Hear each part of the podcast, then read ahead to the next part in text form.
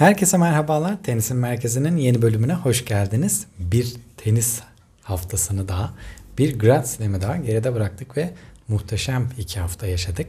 Aralarda da sizlerle birlikte olduk elbette. Çeyrek final, yarı final değerlendirmeleriyle ve şimdi de artık turnuvayı bitirdik.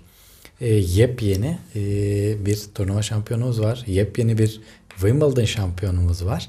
E, kadınlarda da erkeklerde de e, iki genç raket şampiyonluğa ulaştı. Tabii kadınlarda Mondrushova'yı çok da genç diyemeyiz ama erkeklerde e, bugün oynanan muhteşem bir maç sonunda 5 e, saate yakın süren maç sonunda Carlos Alcaraz Novak Djokovic'i mağlup etmeyi başararak e, şampiyonluğa ulaştı. Kadınlarda ise e, Marketa Vondrushova e, Ons Jabeur'ü mağlup ederek şampiyonluğa ulaşmayı başardı. Hemen taze taze e, sıcak şekilde e, bitmişken Carlos Alcaraz'ın e, muhteşem şampiyonluğuyla başlayalım.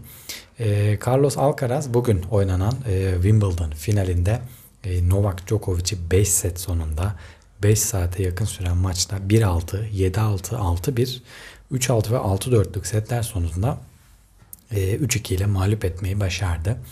E, Alcaraz cephesi için gerçekten muhteşem bir sonuç. Turnuva öncesinde e, her ne kadar favori olarak gösterilmese de buraya dünya bir numarası olarak gelmişti Carlos Alcaraz. E, elbette bir önceki seneye nazaran çok fazla tenisini geliştirdi. E, gerçekten çok hızlı şekilde ilerliyor ve çim kortta da o beklenen seviyeye ulaşmış durumda. Yani toprak kortta zaten yaptıklarını görüyoruz ortada. Zaten sert kortta şampiyonluğu kazandı. İlk Slam şampiyonluğunu sert kortta kazandı Carlos Alcaraz. Ve şimdi bunların yanına çim kortu da ekledi. E, akıl almaz bir seviyeye gelmiş durumda daha 20 yaşında. E, büyük üçlü e, örneğin e, Federer olsun, e, Nadal olsun daha fazla tek kort üzerinde biraz daha odaklanarak ilerlemişlerdi kariyerleri boyunca. E, tabii tüm kortlarda oldukça başarılı maçlar çıkardılar ancak e, spesifik olarak tek kort üzerinde daha çok odaklanmıştı. Örneğin Nadal toprak kortta, e, Federer olsun e, çim, e, çim kortta Wimbledon'da başardıklarıyla inanılmaz seviyelere getirmişti e, rekorlarını. E, Rafael, e, Novak Djokovic bu ikilinin ardından biraz daha tüm kortlar odaklı ilerleyip e, bütün kortlarda e, o üstün başarısını sürdürüyordu ve çim kortta da inanılmaz bir şekilde başarısı vardı. Buraya inanılmaz bir galibiyet serisiyle gelmişti. E, son 4 edisyonda şampiyon olmayı başarmıştı Novak Djokovic. E, inanılmaz şekilde ilerliyordu. E, beşincisi gelecekti neredeyse. E, ancak bugün Carlos Alcaraz onun önüne geçti. Üst üste 5. şampiyonluğun. 8. Ee, Wimbledon şampiyonluğu Djokovic için başka bayrak kaldı şimdilik. Takvim slam ihtimalleri e, yine rafa kalkmış oldu. Ee, gerçekten buraya favori olarak gelmişti Novak Djokovic ve e, favori gibi başladı aslında maça da. Maçı değerlendirmeye geçersek. E, ilk sette inanılmaz bir giriş yaptı ve Novak'ın maça böyle gireceği biraz belliydi. Çünkü diğer rakiplerine oranla Carlos Alcaraz'a karşı e, Rolanti'de bir başlangıç yapamazdı. Yaparsa çünkü Carlos Alcaraz'ın devamında neler yapacağını çok net şekilde gördük işte. E, Carlos Alcaraz maça e, biraz daha Rolanti'de girdi. Biraz daha e, baskıyı tartarak girdi. Kendisini e, hafif hafif maçın içerisine sokmaya çalıştı. E, ve ikinci setten itibaren de bunu çok iyi başardı. E, ikinci sette çok iyi bir set oldu. Bir buçuk saate yakın bir set sürdü. E, ve bunun sonucunda tiebreak'te e, Novak Djokovic'in o 15 e, tiebreak'lik rekorunu da yine e, bitirerek tiebreak'te ikinci seti almayı başardı. Durumu eşitledi. Ardından yine muazzam bir set oynadı Carlos Alcaraz 6-1 ile. E, bu süreçte 3. sette özellikle e, Novak Djokovic'in oyunu inanılmaz şekilde düştü. Çok fazla basit hata yapmaya başladı Novak kafası maçın içinden fazlaca ayrıldı. E, bambaşka hatalar yapıyordu. E, hiç Novak seviyesinde olmayacak hatalar yapmaya başlamıştı 3. sette. E, Alcaraz'ın oyunuysa inanılmaz şekilde yükselmeyi sürdürüyordu. E, ancak bunun ardından 4. setteki o e, tuvalet molasının ardından Novak tekrardan o e, returnlerini özellikle çok iyi seviyeye taşıdı tekrardan dünyanın en iyi return yapabilen oyuncusu olduğunu hatırladı. Ve bunun sonucunda da tabii dördüncü seti alarak maçı final setinde taşımayı başardı e, Novak Djokovic. E, Carlos Alcaraz'ın en büyük alameti farikası işte bu zaten. E, kesinlikle vazgeçmiyor. E, ilk seti mesela Novak Djokovic'i karşısında 6-1 kaybeden bir oyuncu. Muhtemelen diğer setlerde de e, sinerek 3 e, sette maçı kaybederdi ve uzun zaman sonra ilk defa 2019 finalinin ardından zaten bu tarz uzun 5 setlik bir maç izledik. E, onun haricinde diğer maçlar hep 3 sette bitiyordu genelde. E, ve Carlos Alcaraz dediğimiz gibi e, hiçbir şekilde oyundan düşmedi. Hiçbir şekilde moralini bozmadı. Karşısında e, 7 kez Wimbledon şampiyonu yokmuşçasına, 24. Grand Slam şampiyonluğunu arayan bir oyuncu yokmuşçasına e, sıradan bir maçmış gibi e, bakarak e, aynı şekilde oyununu sürdürmeyi başardı. Hiçbir şekilde kopmadı maçtan ve e, bunun ardından da son sette e, başında o break'i de bularak hatta Novak Djokovic'e karşı e, kendi de break puanı verdi. İlk oyunu Novak Djokovic almıştı. Hemen ardından ikinci oyunda e, Novak Djokovic e, servis kırma puanını buldu ancak e, izin vermedi e, Carlos Alcaraz. Orada belki Novak Djokovic kırabilse e, devamında çok daha farklı bir senaryo gelişebilirdi. E, ancak oradan da çıkmaya başardı Carlos Alcaraz ve hemen ardından da Novak Djokovic'in servisini kırarak e, son seti de kendi servisine ardından tutunup e, 6-4 ile kapatmayı başardı ve kariyerinin ikinci Grand Slam şampiyonluğunu Wimbledon'da yaşadı Carlos Alcaraz. E, gerçekten Alcaraz cephesi için müthiş bir gelişim. 2 yıl içinde geldiği seviye akıl almaz bir seviye. E, büyük üçlüye kafa tutacak bir seviyede. Yani büyük üçlüye kimler kimler e, kafa tutmaya çalıştı. Başaramadı. Carlos Alcaraz e, bunu bir buçuk iki sene içerisinde muhteşem bir seviyeye taşıdı ve e, hepsine kafa tutmayı başarıyor artık. Toprak kortta olsun, çim kortta olsun, sert kortta olsun bütün zeminlerde de e, artık şampiyonluğun en büyük favorisi olduğunu e, kanıtlamaya başardı. Yani bundan sonra e, örneğin gelecek sene Wimbledon düzenlendiğinde muhtemelen artık en büyük favori Djokovic gözüyle bakmayacağız. E, veya Amerika açığa giderken şimdi son şampiyon olarak gelecek zaten Carlos Alcaraz.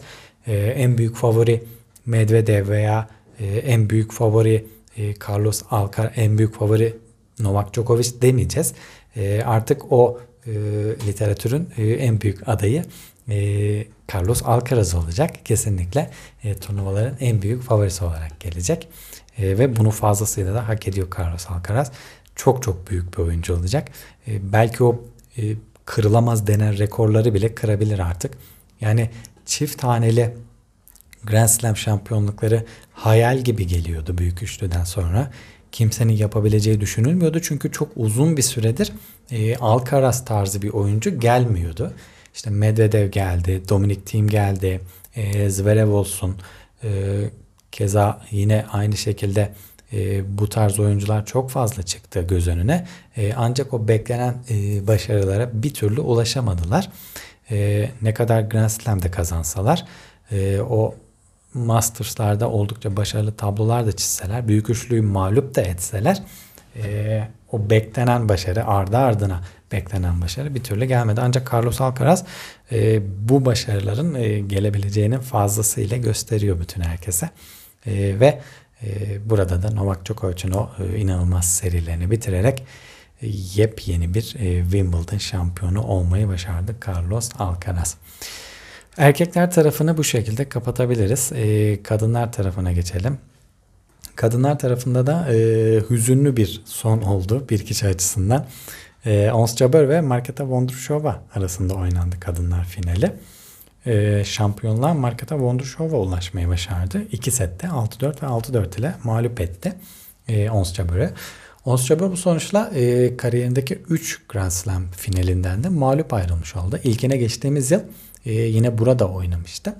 E, Wimbledon'da yine Elena Rybakina'ya mağlup olmuştu ve yine gözyaşları içinde bir gün burayı kazanacağını söyleyerek e, geri dönme umuduyla gelmişti ve tekrardan yine final yaptı. Hatta çeyrek finalde Elena Rybakina'yı son şampiyonu mağlup ederek e, ne kadar istediğini kupayı da bizlere gösterdi. E, ancak finale e, çok iyi girdi. E, Ons Jabeur 3-0 ile girmişti hatta. 4-1'i de buldu. E, ancak Ons Jabber'ın bu andan sonra e, biraz oyunu düşmeye başladı. E, biraz e, seti kazandım e, dercesine e, mental bir yükün altına girdi ve ardından Marketa Vondrushova'nın e, da o Carlos Alcaraz gibi yine vazgeçmeyişi e, o direnen oyunu sayesinde e, Marketa Vondrushova geriden gelip 4-1 geriden gelip üst üste 5 oyun alarak e, 6-4 seti kapatmayı başardı ilk sette. E, ikinci sette yine bir benzeri oldu. E, Ons Jabeur yine maçtan kopuyordu. Marketa Vondrushova ikinci sete iyi girdi ancak e, Ons Jabeur yine bir şekilde geri dönmeyi başardı. Maçın içinde kalmayı başardı ancak e, Marketa Vondrushova yine setin sonlarına doğru e, o break'i bularak e, Ons Jabeur'ü e, yine ikinci sette de aynı skorla mağlup edip 6-4 6-4 ile e, Wimbledon ve kariyerinin ilk slam şampiyonluğuna ulaşmayı başardı. 2019 yılında o da e, ilk slam finalini oynamıştı. E, Roland Garros'ta bir toprak kortta e, toprak kort turnuvasında slam şampiyonluğu aramıştı o zaman. E, o zaman korttan boynu bükük ayrılan taraf olmuştu. Ancak Wimbledon'da e, gülerek ayrılan taraf oldu. Ons Jabeur'ü mağlup ederek. E, Ons Jabeur de dediğimiz gibi ilk 3 slaminden mağlubiyetle ayrıla, ayrılan e, kişiler arasına maalesef adını yazdırdı bu sonuçta. E, Marketa Vondrushova da artık e, o yeni slam şampiyonları arasına e, adını yazdırdı. Kadınlarda sanırım 59. farklı slam şampiyonu oldu Marketa Vondrushova. E, bakalım o da yine bu tek şampiyonlar gibi mi kalacak yoksa devamını getirebilecek mi? En azından ikinci slam finalini oynadı. Yani e, onun da 2019 yılında oynadığı e, şampiyonluk maçının e, final maçının ardından e, bir sakatlık dönemi olmuştu yine. Sakatlıklar yaşadı. Ancak e, yine oralardan çıkıp e, tekrardan bu seviyelere dönmeyi başardı Marketa Vondrushova. Elbette sürpriz bir sonuç. Kesinlikle turnuvanın belki de en büyük sürprizi diyebiliriz. E, ancak e, 2019 yılındaki o başarısına da bakınca e, buralarda oynamayı bildiğini en azından bu seviyelerde nasıl oynanabileceğini, e, final maçında neler yapılabileceğini en azından Marketa Vondrushova daha hakim taraf. E, Ons Jabeur elbette buralar oynamayı biliyor ancak e, o Ons Jabeur'ün bir an önce kupaya ulaşma çabası artık iki, ilk iki finalinden mağlup da ayrılınca üçüncü finalden de acaba yine mağlubiyetle mi ayrılacağım e, düşüncesine girince e, maalesef ki sonuç yine aynı şekilde oldu Ons Jabeur için. E, kendisini fazlasıyla etkiledi bu e, düşünce. O yüzden de e, Marketa Vondrushova rahatlıkla e, finalde 6-4-6-4 ile kazanan taraf olmayı başardı. E, Wimbledon'da artık yepyeni bir e, Wimbledon şampiyonu oldu Marketa Vondrushova kadınlar tarafında. Çok güzel bir turnuva geride kaldı açıkçası. E, gerçekten erkekler finali e, çok büyük tatmin edici şekilde e, sonuçlandı. Muazzam bir final izledik. 5 saate yakın süren. E, iki tarafta oyununu top seviyeye çıkarttığı anlar oldu. Müthiş vuruşlar, müthiş puanlar izledik. E, inanılmaz akıl almaz e, enstantaneler oldu. E, istemeyeceğimiz anlar da oldu elbette. E, ancak e, tüm bunları tolere eden bir oyun oynandı. E, ve turnuvada belki erkekler tarafında finale gelene kadar çok fazla böyle gösterişli maç izlememiştik. E, genelde e, Carlos Alcaraz'ın ve Novak Djokovic'in e, hegemonyasında geçen bir turnuva olmuştu. Maçlarını çok rahat bir şekilde geçmeyi başarmışlardı iki isim de. Ancak finalde e, gerçekten şanslar çok eşitti. E, güçler de oldukça eşitti. Ve bunun sonucunda da zaten e, fazlasıyla gördük. Final maçı da 5. E, sete gitti ve e, orada da yine müthiş bir mücadele oldu. Bizlere fazlasıyla tenis ziyafeti yaşatmayı başardı bu ikili. E, kadınlar tarafı biraz daha yine görece e, az rekabete sahne oldu. Ancak e, Alina Sabalenka e, Ons Jabeur maçı belki de e, final tadında bir maç oldu. E, o maçta oldukça iyi vuruşlar, oldukça güzel e, enstantaneler izlemeyi başardık yarı finalde. E, onu belki e, turnuvanın en güzel maçları listesine ekleyebiliriz. Yine Azarenka Svitolina maçı çok güzel e, bir maç olmuştu. Kadınlar tarafında e, oldukça güzel maçlara sahne oldu. E, yine Şiviyontek Benčić maçı e, güzel bir maçtı. E, Iga Świątek açısından da dünya bir numarası olmayı sürdürüyor. Arena Sabalenka'nın yarı final mağlubiyetiyle. Yarı finali kazansa Arena Sabalenka Osçaber'i mağlup edip finale yükselse e, turnuvanın ardından dünya bir numarası koltuğuna yerleşecekti pazartesi günü. E, ancak e, Ons sayesinde e, Świątek'in koltuğu korundu ve e, en azından birkaç haftada e, bir numara koltuğunda oturmaya devam edecek e, Iga Świątek. Erkekler tarafındaysa e, Carlos Alcaraz'ın dünya bir numarası olması e, sürecek. Şampiyonluğa da ulaştı burada zaten. E, buradan aldığı puanlarla da yine e, dünya bir numarası olmayı sürdürecek Carlos Alcaraz. E, güzel bir Wimbledon'ı bu şekilde geride bıraktık artık. E, önümüzdeki e, Grand Slam Amerika açık. Artık oyuncular e, arada birkaç şimdi sert kort turnuvalarına tekrardan dönüş yapacağız. E, arada birkaç e, hazırlık turnuvasıyla birlikte sezonun son Grand Slam'i Amerika açığa doğru yol alacaklar. E, kapatabiliriz artık Grand Slam'i. E, önümüzdeki haftanın turnuvalarına bakalım hemen. Elbette e, tenis hız kesmeden sürüyor. E, tenis sezonu bildiğiniz gibi oldukça hızlı. Oyunculara çok fazla dinlenme imkanı bırakmıyor. Carlos Alcaraz mesela e, bugün şampiyon oldu ancak önümüzdeki hafta bir turnuvası var. Yani çekilmezse eğer şu an için e, kadroda gözüküyor. Bakalım neler olacak. Onu merakla bekliyoruz. Bakalım çekilecek mi? E, hemen önümüzdeki haftanın turnuvalarından bahsedeyim ben. E, kimler nerelerde? E, hep ATP 250 ve WTA 250 seviyesindeki turnuvalar olacak. E, biraz daha dediğim gibi e, bunu daha önce de bahsetmiştim programlarda. E, slamlerin hemen ardından olan turnuvalarda çok daha e, alt seviye, biraz daha alt seviyedeki oyuncular e, oynama fırsatı bulabiliyorlar. E, sıralamalar bayağı alta doğru gittiği için e, alt seviyedeki oyuncuları ana tablolarda görebiliyoruz. E, üst e, sıralamadaki oyuncular biraz daha dinlenmeyi tercih ediyorlar e, turnuvanın ardından. E, bu hafta 3 tane ATP 250 seviyesinde turnuva var. 2 e, tane de WTA 250 seviyesinde turnuva düzenlenecek. E, bir de e, Hopman Kupası var. E, her sene Hopman Kupa e, Avustralya'da izliyorduk sezon başında. Bu sene Fransa'da, Fransa'nın Nice kentinde düzenlenecek ve sezon sonuna doğru alındı. Temmuz ayında düzenlenecek. E, orada da güzel kadrolar var. Ondan da birazdan bahsedeceğim. Erkekler tarafındaki turnuvalardan bahsedeyim hemen. E, üç tane turnuva var dediğim gibi erkekler tarafında. Üçü de ATP 250 seviyesinde. E, bir tanesi İsviçre'nin Gstaad kentinde. E, bir tanesi e, Amerika Birleşik Devletleri'nde Newport'ta düzenlenecek. E, son turnuva ise İsveç'in e, Baştat kentinde düzenlenecek. Hemen kadrolara bakalım şöyle bir. İsviçre'nin e, Gstaad kentinde düzenlenecek olan turnuvada bir numaralı seri başı olarak Roberto Bautista Agut yer alacak. İki numaralı seri başı olaraksa Miomir Keçmanovic izleyeceğiz burada. 3 numaralı seri başı Lorenzo Sonoga, 4 numaralı seri başı Yannick Hoffman olacak. E, bu isimlerin haricinde de Jishan Zheng, e, Roberto Carvalho Bayana, Mikael Dimer ve Laszlo Cere e, seri başı isimler olacaklar. E, İsviçre'nin Gstaad kentindeki turnuvada. Burada ayrıca Dominic Thiem yine e, yer alacak. Onu izleme imkanı bulacağız. E, Stanislas Wawrinka yine ev sahibi bir raket olarak elbette. E, İsviçre'deki turnuvada e, yine onu izleme imkanı bulacağız.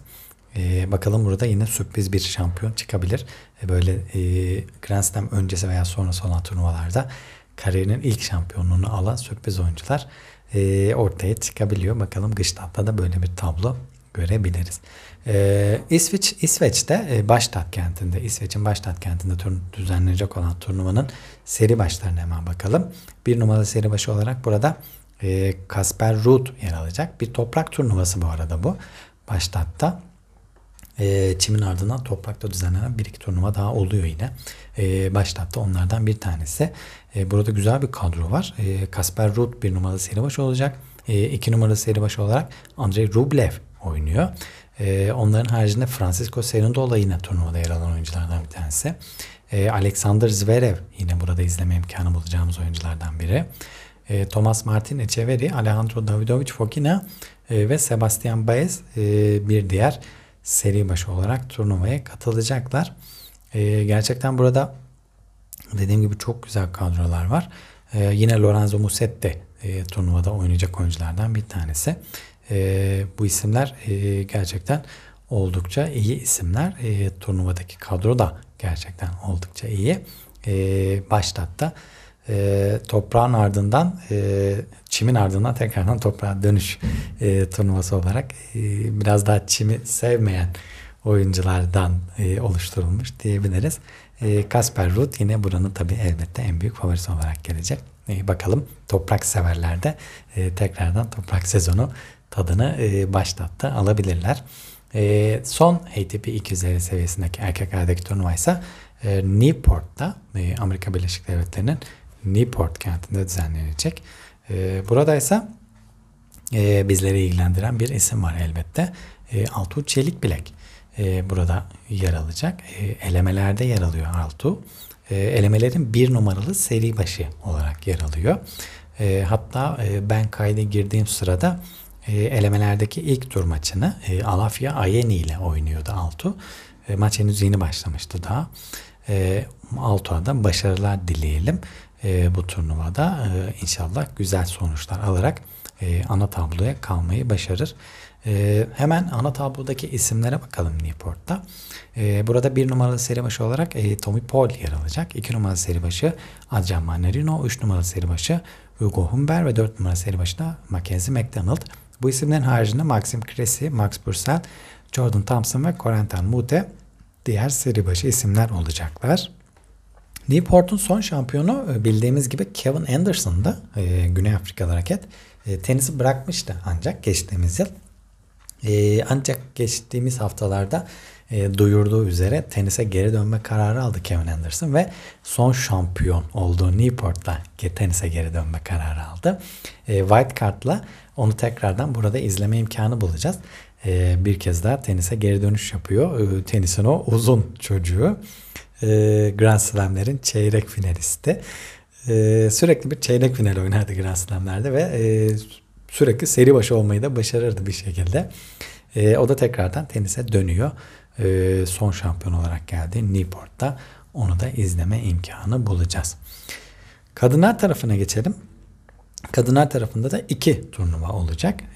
Bir tanesi Budapeşte'de Macaristan'da bir diğeri de İtalya'nın Palermo kentinde düzenlenecek. E, hemen Budapeşte'deki kadroya bakalım. E, bir numaralı seri başı Bernarda Pera, e, iki numaralı seri başı Shuai Cenk, üç numaralı seri başı Yulia Putintseva, dört numaralı seri başı da Tatiana Maria olacak. E, bu isimlerin haricindeki seri başları Elina Avanesyan, Kamila Rahimova, Anna Karolina Shmetlova ve Nadia Podoroska olacak. Burada e, biraz daha dediğim gibi e, kadınlarda daha da alt seviye oyuncular tercih etmiş burayı. E, o yüzden e, Budapeşte de sürpriz bir şampiyon görme olasılığımız da çok fazla duruyor şu an için. E, böyle bir kadro var burada. E, kadınlardaki son turnuvaya geçelim. E, İtalya'nın Palermo kentinde düzenlenecek. Hemen buradaki e, seri başı isimlerden de bahsedelim. Burada bir numaralı seri başı Rus raket Daria Kasatkina olacak. E, iki numaralı seri başı Shinwan Zheng olacak. E, Çinlilerin çok şey beklediği. E, ancak o beklenen başarıya bir türlü ulaşamadı henüz.